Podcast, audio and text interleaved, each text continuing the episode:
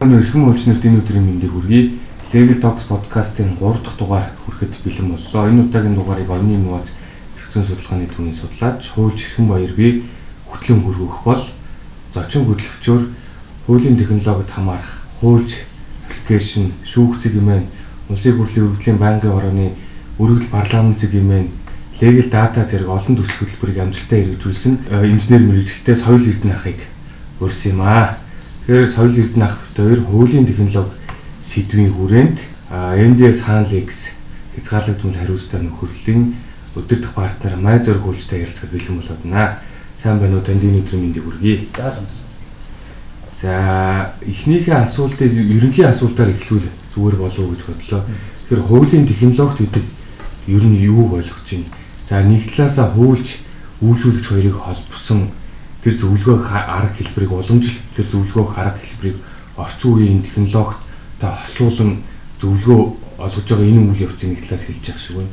А нөгөө талаас хуульчийн ажлыг хөнгөвчлсөн тэр хуульчийн ажлын менежменттэй холбоотой энэ цогц програмуудыг програм хангамжуудыг ойлгож гинэ гэж миний хувьд бол ойлгож байна. Тэгэхээр энэ хуулийн технологид гэдэг тэр нь юуг ойлгож байна? Тэг яг нь ерөнхийдөө үнд зөвлөдөө ерөнхийдөө хуулийн технологи гэж ярихаар юу ярих гэдэг? Тэгэхээр хүмүүс ерөөсөө ингээд нөгөө түүхийг ингээд харахаар хийж байгаа ажлаас хөнгөвчлөхөд илүү их цагийг одоо өөр юмдаа зарцуулдаг. Эсвэл одоо нөгөө өөрийнхөө хийж байгаа ажлын бүтэмжил нэмэгдүүлэхэд яваад байгаа хүний ерөөсөө. Жишээлбэл өмнө одоо юу гэдэг нөгөө хурцээр газар хотдог байсан бол тэр нь арай том хурцтай болоо. Тэгээд нэг тийм морь одоо морж авт юм уу ямар нэгэн тийм нөгөө уурын одоо хөдөлгөөртэй юм болоо. Сүүдээ одоо бүр аюу том нэг шангаараа одоо хэдэн тоноор 10 тоноор нутгах тийм том экскаватор гараад байна Тэгээ энэ чинь ерөөсөө яаж байгаа гэхээр ерөөсөө бүтээмж юм байна. Бүтээмж яаж нэмдэг юм бэхээр яг ижилхэн цаг хугацаанд илүү их хийж байгаа. Аль эсвэл ижилхэн хүч хөдөлмөрөөр илүү бага зардлаар гэхдээ хийж байгаа ч гэдэг юм те. Тэр зүйлийг л хэлэх юм шиг бүтээмжүүд. Тэгээ нөгөө талаас тэрийг инновац гэж хэлээд. Ерөөсөө ингээд хийж байгаа бүх зүйл боломжтой. Бид нар яг ингээд харах юм бол нэг тийм бидний хийж байгаа хоол өөрчлөлт байхгүй. Бидний өмсөж байгаа хувцсны загвар тэр болон өөрчлөлт тийм үү? Бидний суудаг байшин ч гэсэн одоо ингээд ер нь бүх концепт бол ингээд олон жилийн өмнө үүснээр байгаа байхгүй. Тэгтэл энэ дээр чинь жижигхэн инновац гараад дулааны хадгалдаг технологи ч юм уу те.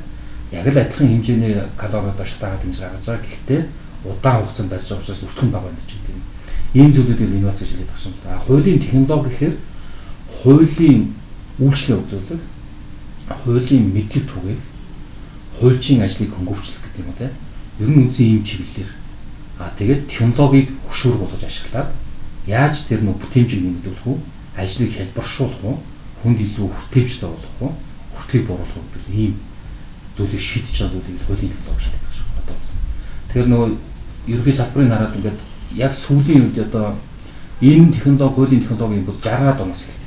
Ер нь сонирхол үзэхэд олон улсын Америкаас гэсэн 62 онд л тэгээд эхний машин гараад тэр нь болохоор яасан гэхээр өөрөө компьютер тэрэн дээрээ шүүхийн мэдээллийн санг ингээд нэг хард дискэн дээр ч гэдэг юм тухайд ямар диск байсан те.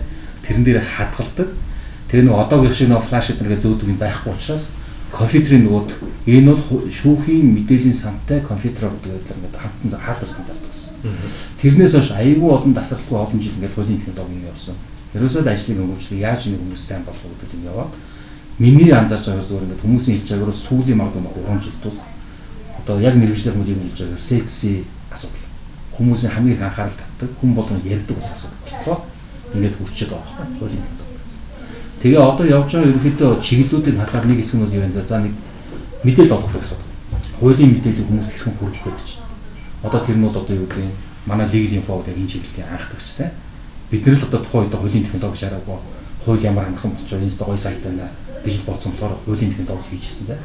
А нөгөө хэсэг нь болохоор юу явж байгаа гэхээр хуулийн ажлыг өдөртөг тийм систем байна хуульчийн ажлыг өөрөөр хэлбэл хуульчийн мэрэгжил ялангуяа нөгөө хувийн салбарт хуулийн ингээд асуудлаар ингээд ажиллана шүү дээ. Тэгэхээр бид нар ч бол нэг тийм буруу ташаалтай байна. Би маш сайн хуульч учраас маш сайн менежер гэдэг юм маш сайн ажил хийж чадсан гэж байна байхгүй. Гэтэл яг тийм биш. Өөрөөр хэлбэл сайн хуульч байна гэдэг бол сайн хуулийн фирмээр ажиллаж чадна гэсэн үг биш. Сайн хуульч байна гэдэг нь зөвлөгөө маш сайн өгнө гэсэн үг биш. Сайн хуульч байна гэдэг нь хамгийн сайн ашиг орлоготой хуульч байна гэсэн үг биш болж байгаа байхгүй Инээж цааны юу гэхээр маркетинг явуулдаг, менежмент гол нь явуулдаг те. Санхүү нэгтлэн бодох бүртгэлийн асуудлууд явуулдаг. Тэгэхээр энэ бүх юмнуудын хуульчид их дарамт энэ санхүүгийн За тэгээд нөгөө хууль зүйн чинь хамгийн гол юм чинь цаг байгаа шүү дээ. Хязгаартай зүйл чинь. Энэ цагийг хамгийн бага нөгөө хийдсэн хомсолсон байдлаар өөрт нь ядаж цохимжтой зохистой төвшөнд нь асуудлыг шийдсэн тийм зүйлүүд юу нэ гэдэг нөгөө practice management гэдэг. Одоо манад бол нөгөө 19 оны 3 сард нээсэн нөгөө ил 2 гэдэг тий. Тэр чиглэлийн нэг том систем явж байна. За дараагийн нэг систем бол юу байгаа юм бэ гэхээр нөгөө хуулийн документ автомашин буюу бичиг баримтын автоматжуулалт гэсэн систем явж байгаа байхгүй. Тэрний юу юм бэ гэхээр байнгын давтагддаг шинжтэй шийдлүүд нь тодорхой бөгөөд магадгүй 90%-аас дээш шуутайгаар тухайн шийдлүүдийг ашигладаг. Онцлог шийдэл байхыг үгүйсэхгүй. Гэхдээ ямар ч байсан маск хэрэглээний нэг 90% тэр шийдлийг ашиглаж байгаа шиг юм. 80% дийлэнх нь олон хүн тэрийг ашиглаад асуудлаа шийддэг бол тэр байнга давтагддаг ажлыг автоматжуулах гэдэг юм ажил байдаг. За одоо тэрний нөгөө одоо нэг одоо жишээ юм манай ай гэр. Ай гэрэний нөгөө гэрээ огсардаг хэсэг гэж ярьж байгаа тийм. Тэр хэсэг маань бол өөрөө яаж байгаа гэхээр хөдөлмөрийн гэрээний асуудал хамгийн их төвөмөл хэрэглэгддэг а шүүхээр маш олон орсон кейстэй учраас нөгөө баг үг үсэг болгонд утга учиртай гэдэг боочны бүгд мэддэг болсон. Харамсалтай тэр нөгөө хүмүүс тэр болгон анзаардаг гэсэн алдаад байдаг. Тийм учраас алдаа гаргахаас хязгаарлах зорилгоор дээрэс нь хуульчны хүртээмжтэй биш байна. Тэрийг засъя. А дээрэс нь хянтхан болгоё гэдэг тэг бид нар тэр систем гаргасан тийм. Тэрнтэй адилхан тэр нөгөө документ автомашин гэсэн юм. За одоо яг ингээд яг өнөөдрийн байдлаар хамгийн их хүмүүсийн анхаарлыг татчаа ялангуяа нөгөө хөрөнгө оруулалт хийж байгаа хүмүүс хамгийн их сонирхож байгаа хэсэг бол ерөөсөө юу гэхээр хиймэл оюун ухаанд суурилсан гэдэг нь хиймэл оюун ухааны тусламжтайгаар аналитикийн буюу одоо тийм үү дүгнэлт одоо тийм үү задлан шинжилгээ хийдэг. Тэгээд дүгнэлт хийдэг тийм систем гарч ирдэг. Тэр системүүд болохоор бас хэд хэдийн дээр ажиллаж байгаа. Жишээлбэл нөгөө нотлохын цуглуулах дээр маш хэмжээний одоо манай яг нөгөө иргэний иргэн шүүхний шийдвэрлэх ажиллагаа гэдэг нь эвш ажиллагааны онцлогоос хамаарат одоондоо бид нар ярихдаггүй байх гэж магадгүй. Гэтэл нөгөө гадаад яаж байгаа гэхээр бүх зүйл нөгөө цахим бичиг баримт гэдэг юм явуулсан. Дор иж бүх юмуд word дээр хийдэг те.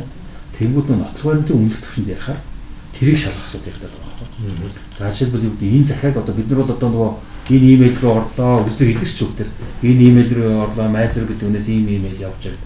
А нөхдүүд бол арай нөгөө агсан төвшнээ тэрэн дээр бодвол маргаан гарсан юм л дээ те. Тэгээ юу явж байгаа гэхээр энэ имэйл яг майз руугийн компьютерт байсан үний юм уу юм метадаар гаргаж байгаа. Наадлын хүнд харагдаж байгаа байдлаар нь шүү. За хоёр дахь нь болохоор нөгөө fraud investigation гэж байдаг тийм нөгөө залингийн интервью ялангуяа шалгахад цагаан сахны интервью тэрэн дээр юу гэдэг асар хэмжээний датанууд тэр датануудаас хамгийн хэрэгтэй мэдээлэл нөгөө цуглуулж. Тэгээд түүнийг одоо хэрхэн ашиглах вэ хамгийн хэрэгтэй байж болох юм юм гэдэг нөгөө одоо жишээлбэл нөгөө Panama Papers гэж гарсан шүү дээ. Тэрэн дээр ч юм бол одоо Nux Австралийн компани ажилласан байхгүй. Систем өгсөн. Тэр систем яасан гэхээр 10 терабайтын хэмжээтэй бүх төрлийн датанууд байдаг зураг, PDF, фото зураг, тэгэнгүүтээ нөгөө зүгээр зурган файл хадгалсан юмнууд, гар бичвэрүүд, Word document, Excel sheet. Тэгээ тэрэн дээр хамгийн түрүү яасан гэхээр хүмүүсийн нэр. Тэгээ фигур, долларын тэмдэгтүүд. Data mining. Data mining гэж байгаа байхгүй яг тийм. Data mining хийгээд тэр 10 терабайтыг 100 сэтгүүл суугаад хэрэгтэй мөн очиж чадахгүй байхгүй тэр их мэдээлэлээс. Тэнгүүд нөхдүүд яг хэрэгтэй мөн гаргаж ирээд а нэлээд өгчихсөн мэдээлэл нь гараад иргүү тэрэн дээрээс хүн оролцож ирэнгүүт аа энэ чинь ийм коннекшнтэй байна гэдэг юм гарч ирж байна тийм. Одоо бол аюул сайн явах гээд байгаа. Гэхдээ ганц нэг бүтээгдэхүүн гараад ирсэн болохоор контракт аналайзер гэж байна ирсэн. Гэрээний зал дээр. За би бол жишээлбэл энэ 2 сард нэг явж харсан юм бол секундын дотор би гэрээний залж байна. Жишээлбэл зээлдэгч гэж зээл авсан хүнийг хэлнэ гэж байгаа. Би одоо хэлсэн шүү дээ. Тэгээд тэр системийг би аваад ашиглах юм бол надад нөгөө автоматар шууд тэгж бичээд одоо конофо дарахаар надад санал болгож байна. Та энэ клоусо зээлдэгч гэдэг нь тий одоо энэ үндсэн юу зээлийг аваад ингээ иргэн төлөх хүлээсэн этгээд эхэлнэ гэдэг юм арай тийм хуулийн зөв хэлдгээрээ тийм үү тэрөө шиг санд болгож байгаа. Тэр санд болгож байгаа процесс нь яаж явж байгаа гэхээр олон хэмжээний нөт гэрээний дата цуглуулсан. Тэрэн дээрээс скоринг ч юм уу тодорхой нэг систем ажиллуулаад хамгийн одоо их хэрэглээтэй гэдэг юм хамгийн сайн хүлээн зөвшөөрөгдсөн тэр шүүх төр гэдэг юм уу те тэр гэрээнийхээ датаг л ашиглаад өгч. А тэгвэл тэр нь бол нөгөө хүн болгон их болцоод байсан биш. Нөгөө NLP буюу их хэлийг таньдаг тэр систем сайн болсон англи хэл дээр байна. Тэгдэж явж. Тэр бол одоо ерөөсөн хамгийн их хүмүүсээ анхаарлагдчихж байгаа. Маш олон хүмүүс тэрэн дээр бооцоод тавьж байна. Иймэрхүү байдлаар л явж байгаа. Энэ хуулийн технологид ерөнхий юу вэ гэдэг асуулт нэр Солиахад сая саяны асуулттай холбоотой ер нь нэр томьёоны хувьд бидний нэршил хэр оновчтой байна вэ? Тийм ээ хуулийн технологи, мэдээллийн технологи, түүний хөгжил гээл гарч байгаа зүгээр саяын асуулттай холбоотой танд нэг л Гэхдээ яг энэ ерөөсөө л одоо нөгөө мэдээллийн технологи гэдэг юм бол байдгаараа байсан. Дээр нь манай хууль эрх зүйн салбар бас байдгаараа л байсан. Тэгэл тэр мэдээллийн технологи гэдэг юм чи авчирж ирээл тэр байгаа уламжлалт хууль зүйн салбар дээрээ тавиал хуулийн технологи гэдэг юм чинь л одоо зайлшгүй одоо ингээд цаг нь болцсон хөгжиж байгаа л юм зүйл. Тэг яг зүгээр энэ дээр сая мазэр олчин хэлж байгаагаар одоо яг тийм манайд бол магадгүй яг энэ хуулийн технологи бол одоо сүүлийн үед нэлээд эрчимтэй хөгжиж байна. Өмнө нь бол орсох байхгүй зүйлүүд бас биш байсан. Тодорхой хэмжээгээр suurуудтай байсан. А гэхдээ бас бидний хувьд нөгөө хоцрогдолтой, дутагдaltaй зүйлүүд бол одоо бас зөндөө бий. Тэгээд бас дараа цаашдаа бас гарах бах тийм ээ. Одоо чинь тэр хилний боловсруулалт, их хэлний боловсруулалтын асуудал бол манайд бол өнөөдөр болтол тодорхой одоо 20 жилийн турш 10 жилийн турш бид нар энэ манай мэдээллийн технологийн салбарт яриад лээдэг байсан боловч одоо чинь боловсруулалтууд бол байхгүй. Одоо чинь бид нар наад зах нь л одоо яг тийм legal import хийж яхахын тэр үед бол одоо нөгөө газрын харилцааны газар, засгийн газрын газар гэдэг хоёрыг ялгамаар байдаг. Гэтэл нөгөө компьютер дээр бид нар тэрийг одоо стринг гэж хэлээд байгаа юм да. Стрингээр найхаар нь бол газар бол газар бүгдөө ингэ пар идэл ингэ шүүгэл гаргаад өгчин. А гэтэл нөгөө захиалагч тал буюу хууль зүйн яамныхан бол одоо энэ чинь ялгамаар байна гэдэг тэгээд тэр үед одоо жишээ нь ингээд одоо тэр 2000 одооны ихээр энэ төр бол энэ үл одоо ингээд нээлттэй асуудал. Яг энэ асуудал өнөөдөр хүртэл ингээд олигтой хөгжил байхгүй явсараа өнөөдөр хүрчээд одоо яг шийдэгдэх шигтэн дээр очих гээд ах шиг байна л да ер нь бол. Тэр хуульчид, хуулийн фирм энэ хуулийн технологиг бидний саяхан ойлгож ярьж байгаа энэ хуулийн технологиг хэрэглэх хэрэгцээ шаардлага түүний ач холбогдлыг юу гэж харж байна? Тийм ерөнхийдөө бол яг зөв хүмүүсийн л ярьж байгаа би сайн мэдэхгүй шүү хүмүүсийн зөвөр дүгнж байгаа те нөө хурлуудын бичлэг нэлээ үздэг. Яг энэ чиглэлийн хурлуудын тэгээд нэг л юм хэлж байна. Сүүлд нэг бас юм уншижсэн жаа гарч ирсэн. Хуулийн хуулийн үйлчлэгээний салбар сүүлийн жил 50 жил өөрчлөгдсөн гэж байгаа. Та нар 50 жилийн өмнө очоод хуульч яаж зөвлөгөө өгдүүлсэн өнөөдөр ирэх ганцхан ялгаа баг тийм Word дээр л юм авч тус бичиг машин байл тийм Өөрөөр хэлбэл өнөөдөр уламжлалт хэлбэрээр л уламжлалт хэлбэрээр гэж. За тэгэд яг энтэй адилхан ерөөсөө зөвхөн Монгол гэж юм биш. Дэлхийд даяараа нэг л юм биш. Аа финтек гэдэг санхүүгийн салбар бол аягүй сайн утсан. Одоо RegTech гэдэг ахиж гарч байна. Хуулийн технологитой холбоотой юм шиг. Гэхдээ илүү нөгөө жоохон салаад өөрөлдөл нөгөө compliance дээр нөгөө хуулиар тодорхой тавьсан одоо нөгөө зах зээл тодорхой зах зээл дээр ажиллаж байгаа үйл ажиллагааг зохицуулсан журмс нөгөө технологи цусна салгаад байна Тэгвэл хуулийн технологи ингээд нэг газрын зурган дээр байх юм бол аюу олон одоо эдүүдийг медитек гэх нэг аюу олон салбар салбар дээр технологи ашиглаж байгаа юмуд байхад хуулийн технологи ингээд онгоцоо зархуулсан байгаа. Тэгээ тэрний ганцхан шалтгаан юм. Энэ хуулийн салбарт технологиг ашиглахад penetration гэж байгаа байхгүй. Технологи хуулийн салбарт нэвтэрч ороход цаад болж байгаа хамгийн номер 1 хүчин зүйл хуульч гэж. За яагаад вэ? Субъектив хариултууд л та. Гэхдээ яагаад энэ хуульч технологи нэвтрээс саалуулаад байгаа гэхээр номер 1 хамгийн дэм консерватив байсан. Бид нар одоо ингээд харахад чи би үчил бол яг санаад байдаг. 2005 онд ипотекийн зүйлийг шүүхийн бус журмын журмаар худалдан борлуулах журмын тухай гэж нэг хуулийг цэцээр очоод тэг би нарийн бичиг байгаа юмсан ажил хэсэг. Тэгээ нөө хамгаалах гэдэг ингээд юмаа судлаа явахаар яг энэ ипотек гэж юу вэ? Ягаад заавал шүүхөр авах хэрэгтэй? Шүүх оролцохгүй юу болдог гэдгийг ойлгохын тулд явсаар би бүр санаад байна. Ингээд яг явсаар бол хамгийн сүлдээ латин слог хууль. Тэгээ эн чинь ингээ яаж байгаа гэхээр энэ хайпотек гэдэг үг чинь юу юм бэ? Гарал үүсэл нь яасан юм бэ? Нөгөө сүмэд нь яажсэн гэл ингээ явдаг. Тэгэхээр бид нар чинь нөгөө хоёрдугаар нь нийгмийн хүлээн зөвшөөрсөн үндсүүл гэдэг юм уу те? Зүг буруу гэдэг чинь нөгөө хууль гэдэг юм дээр суугаад байдаг. Тэрийг харахаар ахаал урагшаа явдаг дандаа. Тэгэхээр бид нар бол нөгөө урд тогтоод хүлээн зөвшөөрсөн юмыг л тэрийг л ингээд цааш нь хадгалж өргөжлүүлж одоо те хүн зодож болохгүй шүү дээр нь хийж болохгүй шүү яагаад гэвэл ийм үр дагавар гардаг юм те өмнөх юм арга жишээр ингээд яваад байдаг тийм онцгой салбар байгаа байхгүй хуулийн салбар нэгдүгээр. За хоёрдугаар яасан бэ гэхээр хуульчийн өөрийнх нь ажлын барил байна. Ер нь бол яадаг вэ гэхээр хуульчинд хамгийн үнэтэй юм цаглагдаж шүү дээ. Тийм ч учраас одоо бусад салбарыг бодвол хамгийн их нөгөө цагаар одоо төлбөр хөлсөд тооцдог салбар байхгүй. Тэнгүүд нөгөө хууль хүн дээр очиод технологийн нэг нөхөр ирээ за өгш одоо нэг гой санаа энэ хоёлаа нэг танаас салбар нэг янз бүрийн агуулгад гэхээр нөгөө үнгүй юм гэдэг. Тэгэхээр тийм цаг байхгүй. Амжилттай сайн явж байгаа хэсэг нь бол тэрийг сонсох цаг байна. Тэр технологи юу надад нөгөө мөнгөний төлж цагийн хөлсөнд төлөхгүй би тэрийг сонирхгүй байна. Уучлаарай өгч нүд амар цаггүй. Аа магадгүй тэрийг сонирхсан хэсэг нь нөгөө дадлага туршлага гэдэг юм те. Experience суугаад.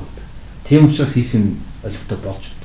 А тэгээ сүүлийн 3 жилд явж байгаа нэг хандлага юу яваад гэхээр за ерөөсөө хулж алгасан гэж.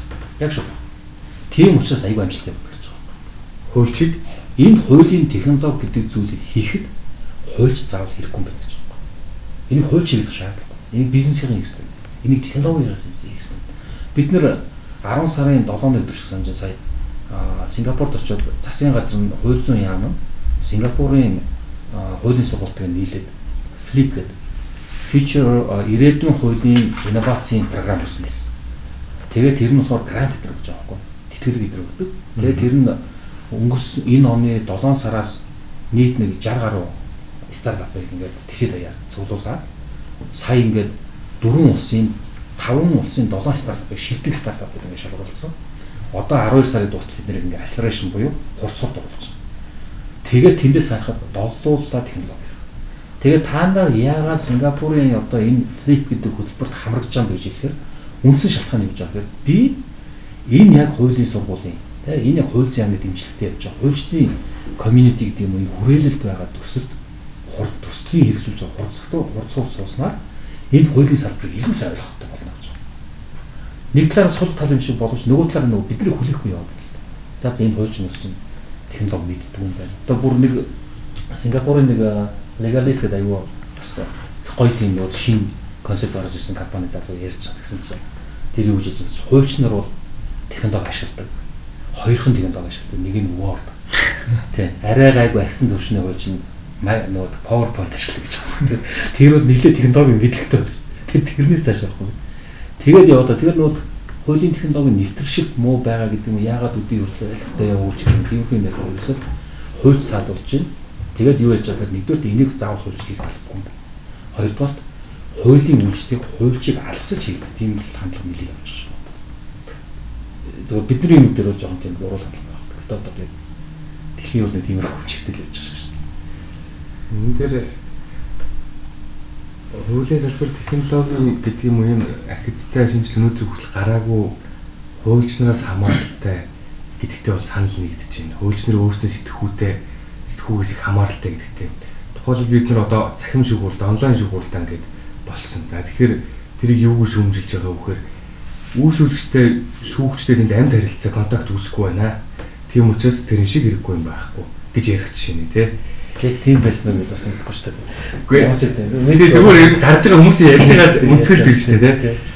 За дараагийн асуулт нь ер нь Монгол улс дахь энэ технологийн хөгжлийг хуулийн технологийн хөгжлийг ямар хэмжээнд байна гэж харж байна вэ? Ер нь технологийн хурдтай хөгжил хууль зүйн салбарт одоо биднэрт ямар өөрчлөлтийг авчих вэ? Тийм яг зөвөр Монголын их онцлог байна. Зүгээр яг нөгөө 2 сар бид тэр нөгөө технологийн нэг тийм нөгөө жил болгон цогтой хуралдаар явсан. Тэгээд тийш явахдаа бид нар нөгөө өнгөрсөн жилээс нэлээд ихтэй яриад бүтээгдэхүүнийхаа ерөөд тийм нөгөө концепт гэдэг юм уу тэр нөгөө юмнуудаа гаргаж ирээ. Тэгээ одоо ер нь энийг хийя гэдэг шийдэлтэй үрчээ. Гэхдээ тэр 2 сар цогцсон тэр Америкийн барын холбооны нөгөө хуулийн технологийн тэр арга хэмжээнд очсон жилээ. Тэгээ очиод ерөөсөө гол ерөөсөө номер 1 зорилго байсан гэхээр хүнтэй танилцах манцх тэр network үүсгэх гэдэг дараагийн асуулт. Номер 1 зорилго бидний яг хаана байдаг?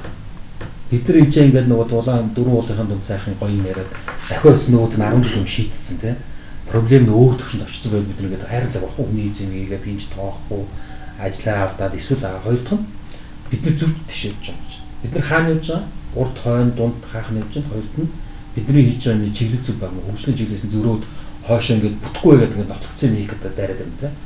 Тэгээ очиж харсан яг үнийг хэлэхэд бид нар аа шулуухандаа хэлэхэд за яг хийгч байгаа төслүүдэд харах юм бол яг тэр явж байгаа чиглэл рүү магадгүй нэг тэргүүнийг нэр хайцаа.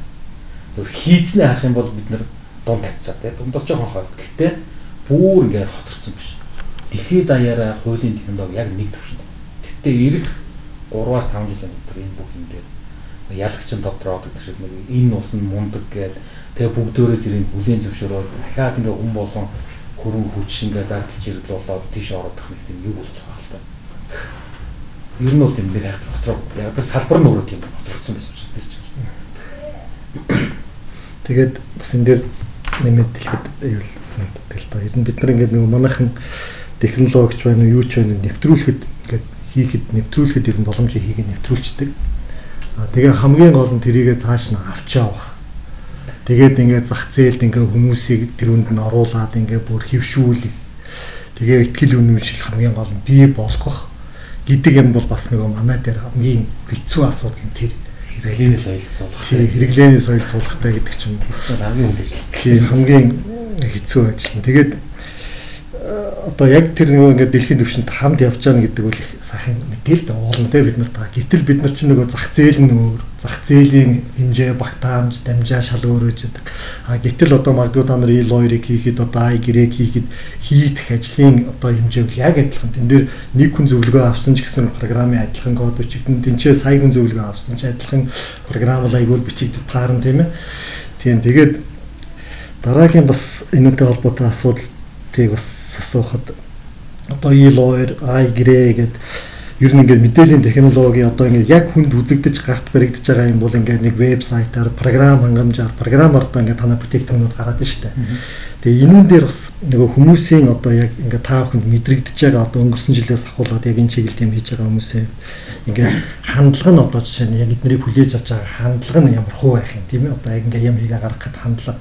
Өөрөөр хэлбэл энүүн дээр бас нөгөө хүмүүсийн болгоомжлол гэж бас нэг юм гарч ирж байгаа. баг Тэгээд тэр үнд та бүхний зүгээс одоо нэг хариулж байгаа хариулт буюу тэр мэдээллийн аюулгүй байдал дээр бид нар иймэрхүү юмыг одоо та нар санаа зовоод хэрэггүй өөрөлдөл те бид нар энийг ч одоо ингээд ирээдүйд бүхэл юм клауд болох гэж байгаа бол бид нар та нарын тэр ажлыг чинь бас клауд дээр тавиад өгөл гэж байгаа шүү дээ. Ер нь танай одоо юу бол Тэгэхээр энүүн дээр одоо яг тэр аюулгүй байдлын талаас гэдэг ч юм уу ямар асуудлуудыг нь яаж шийддэг, ямар асуудал гараа яаж шийддэг. За дээр нэмээд одоо яг энэ чиглэлийн манай нэг одоо одоо манай улсад нөгөө эргэцүү орчин инээ тэр янз бүрийн асуудал үүсвэл тэр нь жоохон бас ямар хөө байдалтай байдгийг энэ талаар бас Тэгээ яг хуулийн технологиг ярихаар нэг хэсэг нь одоо манай хаягчаад бид нар болохоор яг нөгөө үндсэндээ арилж байгаа гэдэг нөгөө одоо болж үл ашигла болчихгүй явж байгаа юм шүү. Тэгээд бас нэг хэрэгтэй юм игээ тэр тэр хүн хэрэг бол бүр сайн. Тэгээд хуулийн технологи ярих нөгөө талд болохоор технологийн хууль зүйн асуудал гэж байна. Тэр хэсэг рүү үнэхээр одоо бид нар орж амжихааргүй мэдлэгдсэн жоохон тодох юм шиг. Тэгээд юу яриад байгаа юм яг нөгөө түрүүний асуусан асуултанд хариулахад нөгөө шинэ бүтээгдэхүүн гаргах маш сайхан. Ялангуяа хүмүүс танилцуулах хамгийн гоё. Бүгдөөрөө дэмжин амар гоё урам зориг өгөн баяр үргэд баг л одоо ингэ нөгөө Чингисийн удан гол төрсөндөө бахархах юм те. За тэгээд маргаашнаас нь яг нөгөө жинк шүү дээ. Тэр үед дээр чинь ер нь нөгөө мэдхгүй юмс хүн яд. Зөвлөдөө яг тэр бол ингээд нэг хүний тийм натурал нэг тийм байгалийн шинж чанар биш. Хүн юмыг аль болох сайн мэдээл одоо жишээлбэл нөгөө зуухал гэж ярьж дээ. Тэр чинь нөгөө мэдээл хангалттай өгөөгүй сургуульд яагаад байх чинь бол одоо яана одоо өглөө босоо гэж ярьжсэн те. Тэрнтэй адилхан гэтэл магадгүй ингээд нөгөө мэдлийн сайн өгөө тэр гарын авилгуудыг ягаад анхааруулад ирэхээр хүмүүс тэр хэрэглээнийхээ талаар мэдээлэлтэй болчих учраас айц наяг болчиход байгаа байхгүй. Яг тэр шиг одоо номер 1 ярьж байгаа манай одоо ил хоёр дээр гарсан жишээ бол энэ мэдээлэл аюулгүй яаж хангах байл гэж. Тэгтэл яг ингээд бид нар ил хоёр дээр цуглуулж байгаа хувийн мэдээлэл гэж харахад тухайлбал хуульчийн эрхцэн байдал гэдэг нь дөрмээр зохицуулагддаг. Яг үйлчлүүлэгч нэг ажлын үр дүн байхгүй байна. Ажлын үр дүн буюу яг би үйлчлүүлэгчтэй хийж өгсөн гэрээ тэнд хадгалагдахгүй байгаа ч гэдэг юм да. За үйлчлэгээ үзүүлсэн хүнд би юу хийж өгсөн бэ гэдэг мэдээлэлүүд тодорхой хэмжээгээр байгаа гэдэг ч юм. Тэгэхээр нөгөө яг нөгөө хэр одоо сенситив гэдэг юм хэр одоо эмзэг мэдээллүүдийн хадгалагдаж байна. Тэрний аюулгүй байдал ямар байдаг гэдэг нь тэр нөгөө цаадлын бүр углуураар гэдэг юм уу тэр уг үнцээр нь сайн тайлбарлаж өгвөл ойлголт хийвэл сайн суулгах ёстой юм шиг байна. Тэр нь магадгүй айхтар сайн яваагүй эсвэл бид нэр анзаараагүй байсан баг те өмнө одоо Тэгээд тэрнээс болоод мэдхгүй юм байгаа учраас л тэрэн дээр хэрэгсэл хараад багш байгаа. Тэгээд нөгөө сургаар л одоо тэнд нэг амар том хакерцсан, би энд амар том хакерцсан гэдэг. А технологийн яг нэлээд тийм энэ салбарт ажилладаг хүмүүс бол ер нь тэгж ярьдаг шүү дээ. Тэр нөгөө хакердаад мэдээлэл авдаг гэдэг үл командор гэдэг юм байна. А эсрэгээр яг одоо тэр Panama Papers гэдэг юм одоо ингээд том том маш том тийм дуйлантай мэдээлэл алдсан хэрүүд бол дандаа физик дотор нь ажиллаж ирсэн хүн мэдээллийн базар авч явсан ч гэдэг. Тэр үл физикал хамгаалалт буюу бит хамгаалалтын асуудал. Түүнээс ингээд нөгөө тэгээ сүлжээр мэдэрч ороод нэг яг бол тэр бол бодит төлөвтэй баг байдгүй гэж мэддэг хүмүүс нь ярьд юм лээ. Тэгэхээр яг бид нар одоо тэр яг ингээд технологи юм явахаар хүссэн ч эсвэл ч тезүүд гараад эхэлнэ л дээ. Энэний зарцуулт нь явах гэдэг. Одоо жишээлбэл яг тэр Америкийн байрны холбооны хурал дээр бол хоёр чиглэлээр явж байгаа байхгүй хурал. Нэг нь хуулийн технологи, нөгөөх нь технологийн эргэцэн зохицуулалт. Тэгэл алгоритмик шүүх гэж ярьж Нэг нь болохоор AI гэж юу юм бэ? AI ямар гоё юм бэ гэж байгаа. Нөгөө талд нь алгоритмыг хүн зохиодог. Хүн зохиохдоо нөгөө ямар хэмжүүр гэдэг юм уу? Ямар шалгуур дээр өндөр жин өснөөс болоод алгоритм өөрөө зөв ажиллаж байгаа ч гэсэн эцсийн үр дүн дээр нөгөө бодит амьдрал дээр гарч ирэхдээ тэр чинь нөгөө тэнцвэргүй гэдэг юм. Эсвэл одоо хитрхи нэгтлийг барьсан шийдвэрүүд гаргаж байна. Швейцар Швейцар биш. Норвег илүү нэг тийм кейс иржсэн. Яасан гэхээр нөгөө нийгмийн халамжид хамрагдах хүмүүс ингээ өргөдлөгд юм. Өргөдлөгөөд тэр хүмүүсийн хүн шүүж үзээ. За та бол одоо нөгөө манайх нэг хөргөчтэй бол хөргөчтэй бол нөгөө халамж авахгүй гэдэг шиг. Та бол одоо ийм байгаа учраас таныг оруулна оруулахгүй шийддэг байсныг AI-д оруулаад алгоритм байсан байна. Тэгсэн чинь аппликейшны 60% нь татгалзаад гисэн. Та бол одоо халамж авах хэрэггүй байна. Тэнгүүд хуульч нар шүүхтэй алгоритм шүүцсэн. Энэ алгоритм өөрөө буруу томьёол дээр үнэлж хийсэн учраас энэ гаргаж байгаа шийдвэр ерөөсөө бидний анхны нөгөө хууль заасан гэдэг нь журмаар гэдэг шийдвэрээс өөрөөр гарцаагүй шүүхтэй нэрээ тийм байна энэ алгоритм засах шийдвэр гарсан гэж байна. Тэр тэр тал руугаа бид нар одоо бас нөгөө нэлээд хүч хөдөлмөр хаях хэрэгтэй юм шиг байна. Ялангуяа нөгөө сонирхол судлах холбоон дээр өөрөө тэрийг авч яваад трендээ хараад явж байгаа хандлагаа хараад гарч магадгүй эрсдлүүд дараад тэгээд зөвлөмж өгөө бичдэг. Заавал амар хууль болох хэвээр энэ үе эрүүг үйлээ өөрчлөн өөрчлөх гэх юм байхгүй. Ер нь ийм юм байшгүй хуульч нар минь та нар энийг хийхдээ энийг анзаараарай. Энийг анхаарахгүй болохгүй шүү дээ. Тэгээд явчихдаг. Тэгэхээр одоохондоо одоо ер нь тэгэд технологи гэдэг хуулийн технологиуд юм явах юм бол ерөөсөө ярахаас өөр аргагүй. Сая баг өнгөрсөн сар байна уу? Энэ тийм өнгөрсөн сар Герман шиг шүүмж шийдвэр гарч ирж байна л да. Өөрөөр хэлбэл яг технологийн компани шууд хуульчин үйлчлэл үзүүлдэг үйлчлэлүүд одоо хийгдэлсэн байгаа. Одоо хаасаг байгаа тийм. Тэгэнгүүт тэрэн дээр шүүм шийдвэр гараад энэ технологийн компани хойно лицензтэй болж байхгүй байна. Тийм учраас та нар тусгай зөвшөөрөлгүйгээр хуулийн үйлчлэл үзүүлж байна. Энэ бол тусгай шийдсэн байна тийм. Тийм хүмүүс ингээд ингээд зохицуул хууль эрх зүүн орчин дээр хэрэгцээ шаардлага гэж байна тийм. А яг зөв үзэхүүгүй юу гэдэг бас нэ. Аа хууль эрх зүүн ер нь бол хандлууд одоо тэр финтекинуудад ч гэсэн маш явдаг зөвхөн түүн зориулж зохицуулах биш. Одоо байгаа зохицуултыг үүнд нийцүүлж хэрэглэх асуудал ярьдаг шүү. Ерөнхийдөө бол. Одоо байгаа хуулийн энэ концептыг энэ дээр ингэж хэрэглүүл юм бэ гэж. Аа тэгээд детальны нөгөөд зөвлөмжүүдийг бол хуульч нарт аягүй өгөөл яваад. А түүнээс нөгөө би тас манайч бас нэг жоохон яг нэг тийм хандлага байдаг те нөгөө энэ асуудал хуулийн учраас болохгүй байна ч гэдэг юм уу. Энэ асуудал хуульч болохгүй гэдэг тийм бас яриад. Ядаж бүгдөө нөгөө эрүүгийн хуулийн тодорхой зүйл мэдээлэл аяг бол тэгэхээр тэрний цаана зөрчилдөг юм юу гэдэг чинь тэрийг сайн судлах хэрэгтэй юм шиг байна. Бас яг тодорхой нэг хууль гаргаад тавьчих юм бол нөгөөдх маань нөгөөдхийгөө боонсон. Бас нөгөө хөгжлийн зөвдөрсөн гэдэг ч юм уу тиймэрхүү юм бол юм мөн чинь бол финтек юм чинь Сингапур эдгээр ч одоо сандбокс гаргацсан. Нөгөө элсний элсэн талбай. Элсэн тоглоомын талбай гэдэг чинь түүхтэй. Тийм байхгүй тэгээд юу ч яах вэ? Финтекийн технологи юм бид хүлээн зөвшөөрч байна ойлгож байна. Тэгэхээр бид нэ зөксүүлж яах вэ гэж Гэтэ та нар ирээд манай энэ эсний талбай дээр тоглоо. Бид нар та нарыг айгүй ойлгохос харж байна. Хамаагүй юмд үрээд гар үлээ урчваа тий. Болохгүй дургуур гэдэг би та нарыг зогсоо шүү. Болохоор үйл яах вэ гэдэг цааш ярив. Тиймэрхүү бас нэг дундын хэлбэрүүд хүртэл гараад хэлсэн юм байлаа. Одоо манайхан бас ийм нэг чаас сонсгосон шүү. Тэгэхээр хөгжлийн мэрэгжлийн үйл ажиллагаанд баримтлах гол зарчим бол үүсүүлэгчийн нууцыг хадгалах, хамгаалах, задруулахгүй байх гэдэг асуудал бол номер 1 зарчим байдаг тийм ээ. За тэр ийм асуулт байна л да. Би үүшүүлэгчийн хувийн нууцтай холбоотой гэрээ хилцэл, бусад баримт бичиг, ажлын төлөвлөгөө юу гэдэг хэргийн материал. Тэрийг офсынхоо шүүгээд хийгээд цоожлоод хадгалах тэр үүшүүлэгчийн нууцыг сайн хадгалж байгаа хэрэггүй. Эсвэл одоо энэ хуулийн технологи ашиглаад ямар нэг байдлаар энэ захим хэлбэр гэдэг юм уу? Нэг газар байршуулж байгаа нь өөрөө илүү хамгаалж байна уу? Аль нь оновчтой хэлбэр вэ? Одоо үүсвэлж ирээд ингүүл миний нууц яаж хадгалж хамгаалах юм? Над ямар баталгаа өгөх юм? Тэр байгаа одоо байршуулж байгаа газар чи цаана дахиад хүмүүс байгаа шүү дээ.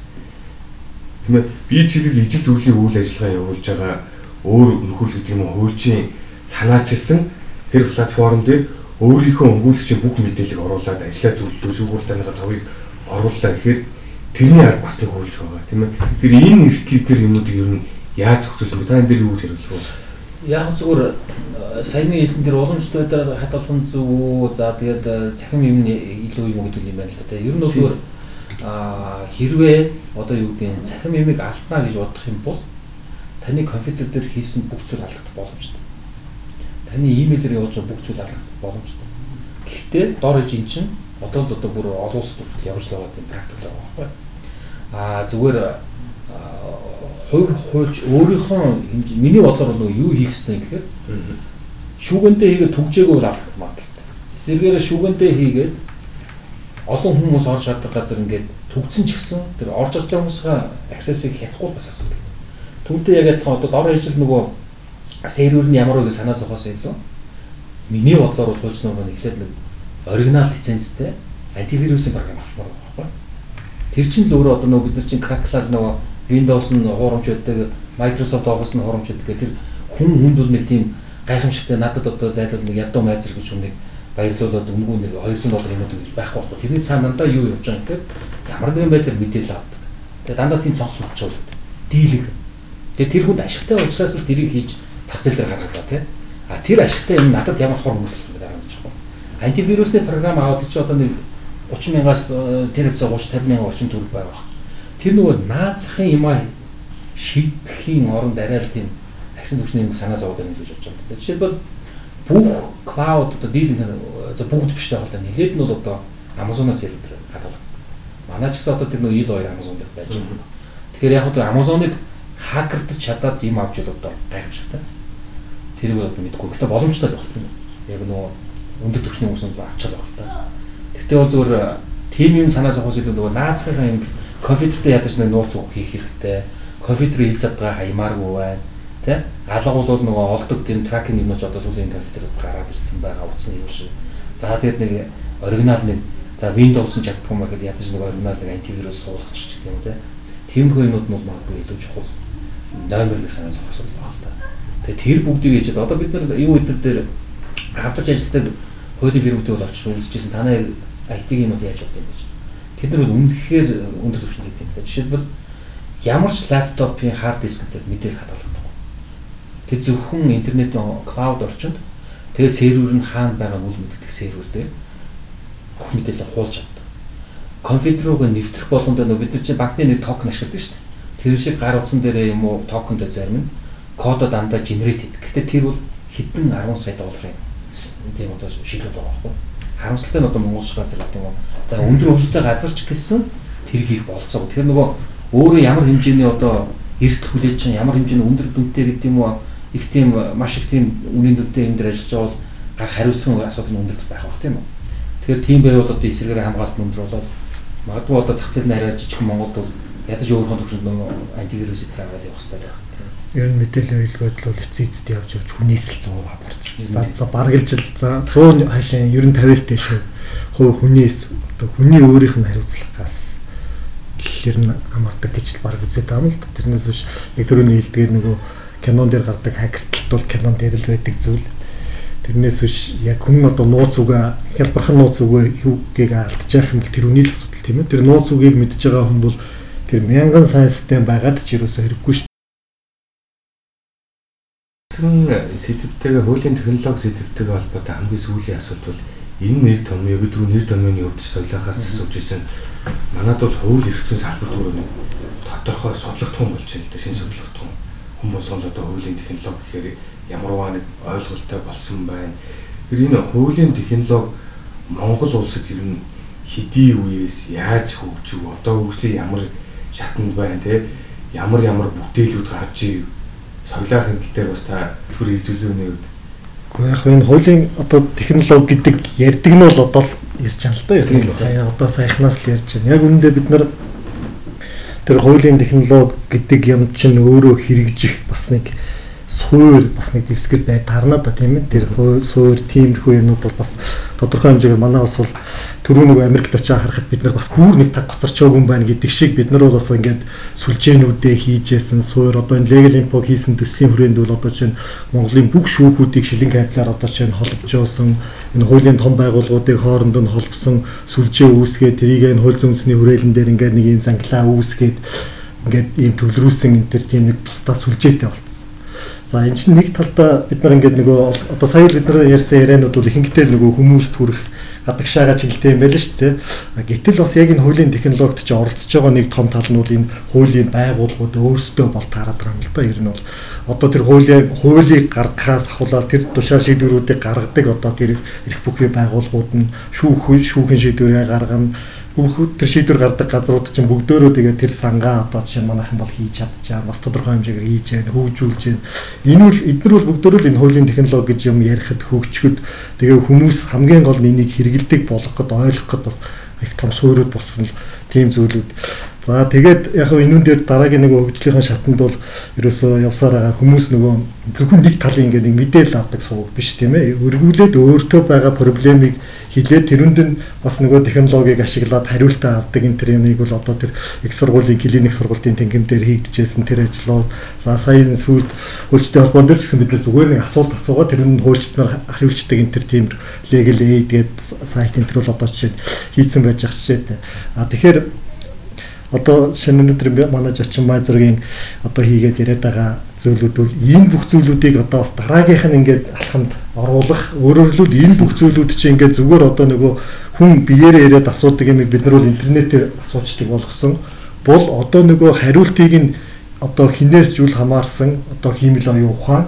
Тэрийг нь нөгөө хуульчиж унтчихсэн ч гэсэн нөгөөдөг чинь ингээл хариултаа авч яадаг. Нөгөө хүн дэлхийн хаанаас ч гэсэн хариултаа авч яадаг л одоо болгож байгаа гэж үзээд байгаа л да. Би тэгээ сая бас нөгөө подкаст орно гэж намайг нэг ороорой гэснийхэн дараа танай юмнуудыг бас харлаа да яа байна тэр сүүл.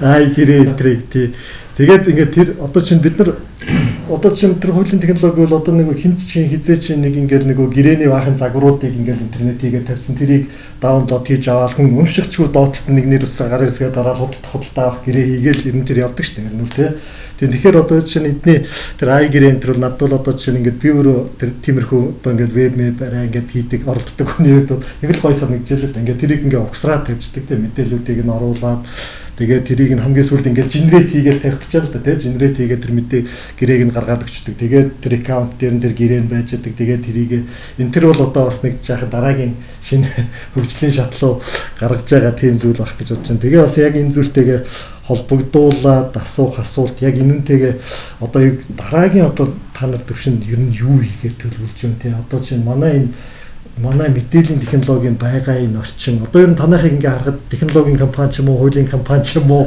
бол гимээр л харагдаад байна л да. Тийм ээ тэгээд энэ компани маань одоо яг энэ зүйлүүдийг одоо чинь бас миний хувьд сонирхож байгаа нэг зүйл.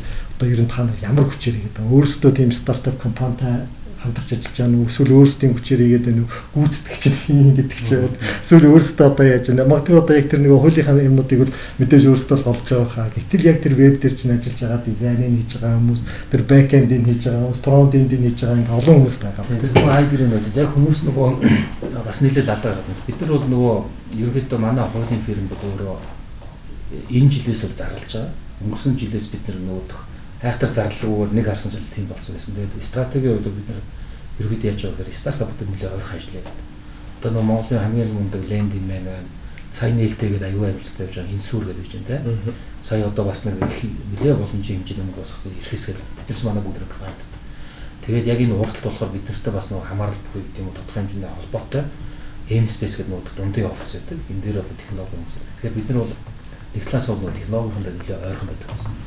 Хоёрт бол нөгөө гарддаг алдаануудыг тэр нөгөө менторууд энэ дээр ирж юмнууд ярьдаг. Одоо манай ОК гэдэг мундаг залуу байдаг тийм. Нөгөө Techstar Азийн бүсэн захирал бол тэр бүгдээс бид нэгээ суралцаал авах. Тэр нөгөө клиентууд маань ч гэсэн юмнууд бидэрт ингээд зүгээр ярьж явах хүртэл чинь сурвалтай бидэрт бол аюул тийм том мэдээлэл болж байгаа. Тэгээ ингээ харахад нөгөө стартапуудын гаргадаг гол алдаанууд юу гэдэг тэгэхээр би санаатай бөгөөд код хийж чаддаг бол би энийг хийж чадна гэдэг буруу. Тэр үл ерөөсөө буруу батлах. Энэ бол нөгөө хамтын хөтөлбөр гэдэг юм. Хүн өөрөө хамгийн сайн хийж байгаа зүйлээ сайн хий дутж байгаа скил гэдэг юм уу дутж байгаа ур чадвар дутж байгаа тэр мэдлэгээ өөр газраас нь авчир тэг зөв хамтрагдал юм яваад байгаа байхгүй. Тэр бид нар яг тэр зарчмаар тавьж байгаа. Саяны AI гэрээ төсөл дээрхэд бид нар хүмүүсэд тоолж үзсэн. Нийт 24 хүн ажилласан. Манай тийм төсөл дээр.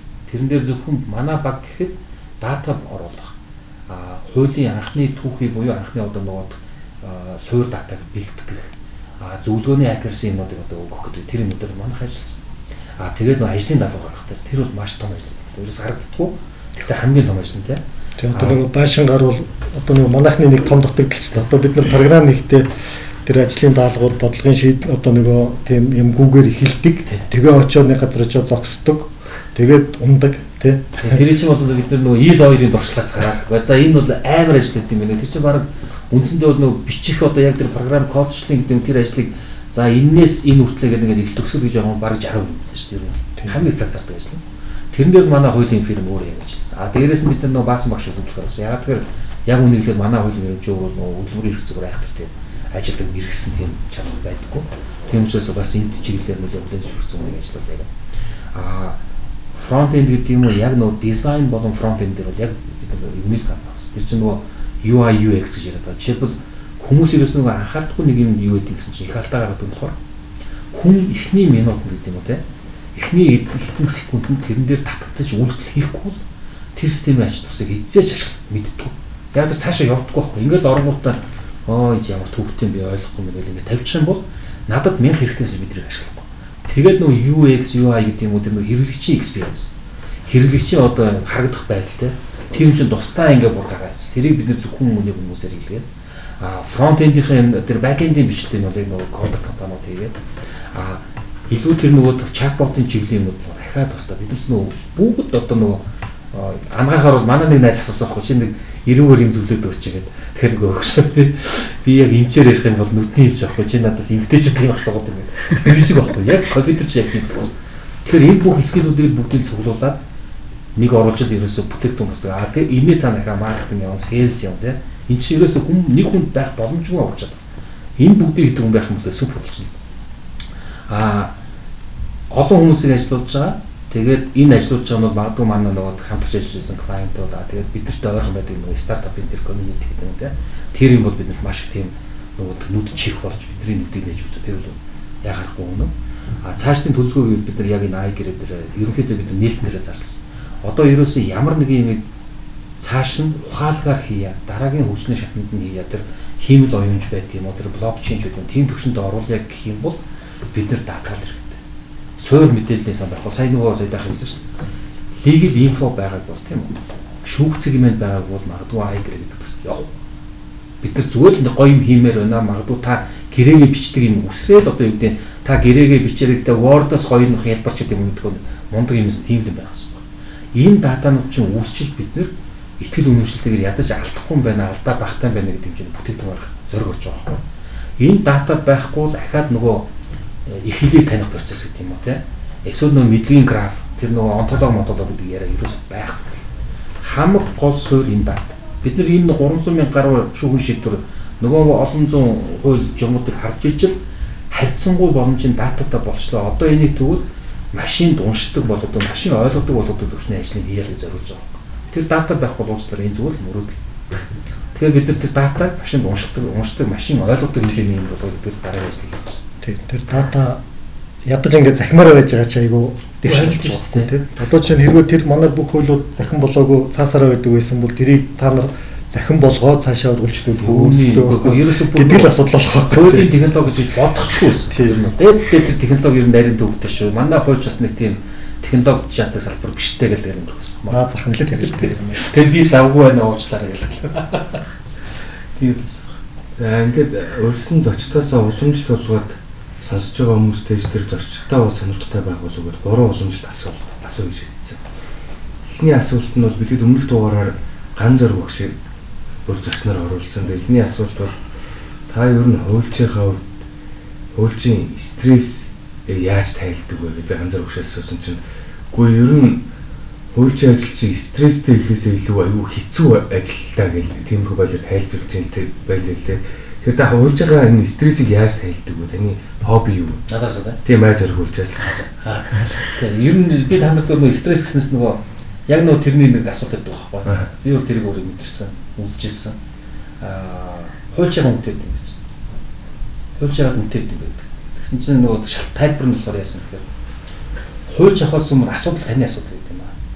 Хуульч авснаас хойш асуудал хуульч асуудал болж байна. Тэгээ яг л бид нар мэдэрсэн хуульчны холбоон дээр хүртэл ингээд нөгөө салбар хурд бол энэ тэнд арга хэмжээ хийж байгаа. Тэр чинь бүр нөхрийн хуульчдын нийгмийн өрөөнд авах нэг арга хэмжээ зохиолсон шүү дээ. Гадны германаас хуульч нар ирээд хуульч хэрхэн ажиллаа гэрийнхаа үдэнд орхиж ордог байх вэ гэж. Тэ? Та нарсан бүдрэл одоо хуульч байгаа тийм үү? Бид нар хичнээн ингээ хүүхдүүдтэйгээ байсан хичнээн ойлд усанд орж исэн ч гэдэг юм уу те? Өөр мижигтэй бодч л байдаг. Нөгөө юм яа. Тэн ялчвал бол зүгээр. Миний яаш те? Тэр чинь өөрөө ингээд нэг сэтгэл зүйд одоо бид нар нэг муу хуульч учраас тэр юм орхиж чаддгүй. Шаналал яваад тэр шаналх гэдэг шам юм уу? Тэгээ тэрнээс стресс үүсдэг шүү. А зөв миний нөгөө стресс тайлдаг арга юм бол одоо нэг тийм сүртэй арга марга байхгүй зөв анзаараад тахт бол нөгөө юу яадаг юм шиг үлээ. Өөр салбарын хүмүүс нууцлахгүй байдаг шүү дээ. Тэгээд буу олон гэж ярьдаг те. Тэгээд нэг түүхч ч юм уу тэгээд нэг нэг амар гол цэцэрхэл нэг. Гэтэ нөгөө хүний нэг одоо ч нөгөө хууль гэдэг юм тэр тодорхой асуудлаар өөр үнцээс харахаар бидний хараа бид нар чинь нэг үнцээс хараад байгаа байхгүй. Нэг зураач ч юм уу нэг юм ярих бас сонирхолтой сонсгоо. Тиймэрхүү байдлаар ингээд нэг юмнууд харахаас нэг ертөнцийн гоё олон талаас нараад байгаа юм шиг тийм. Сатараад гэдэг юм те. Тэр бол стресс нэг гоё болно. Хүмүүс ярих спорт гэх юм уу сэрэг. Хоёр дахь асуулт та хамгийн сүүлд уншиж байгаа ном ямар ном байгаа вэ? Яагаад сонгож уншиж чинь сонсогчдоо санал болговол Тий, нэг ном уншиж байгаа одоо манай нөгөө фирмийн хүмүүстээр мэднэ. Ягаад тэр айгүй олон удаа баг жил уншиж байгаа. Дуусахгүй. ширэн дээр байж байгаа гэж. Ширэн дээр байгаад нөгөө нэг уншихаараа нэг ганц хоёр хуудас явдаг. Онгоцон ч явах явдаг тий. Тэр нь нөгөө Sapiens гэдэг. Оо тэр айгүй гоё ном гарсан байлээ шүү. Тий, тэр гол нь яг нөгөө яг ингээд хийж байгаа юмтэйгээ холбоод уншихаар яг баг нөгөө rule book гэдэг шиг тий. Заадаг байхгүй. Яаж гэхээр нөгөө хийсвэрлэл төсөөлөл гэж юм дээ.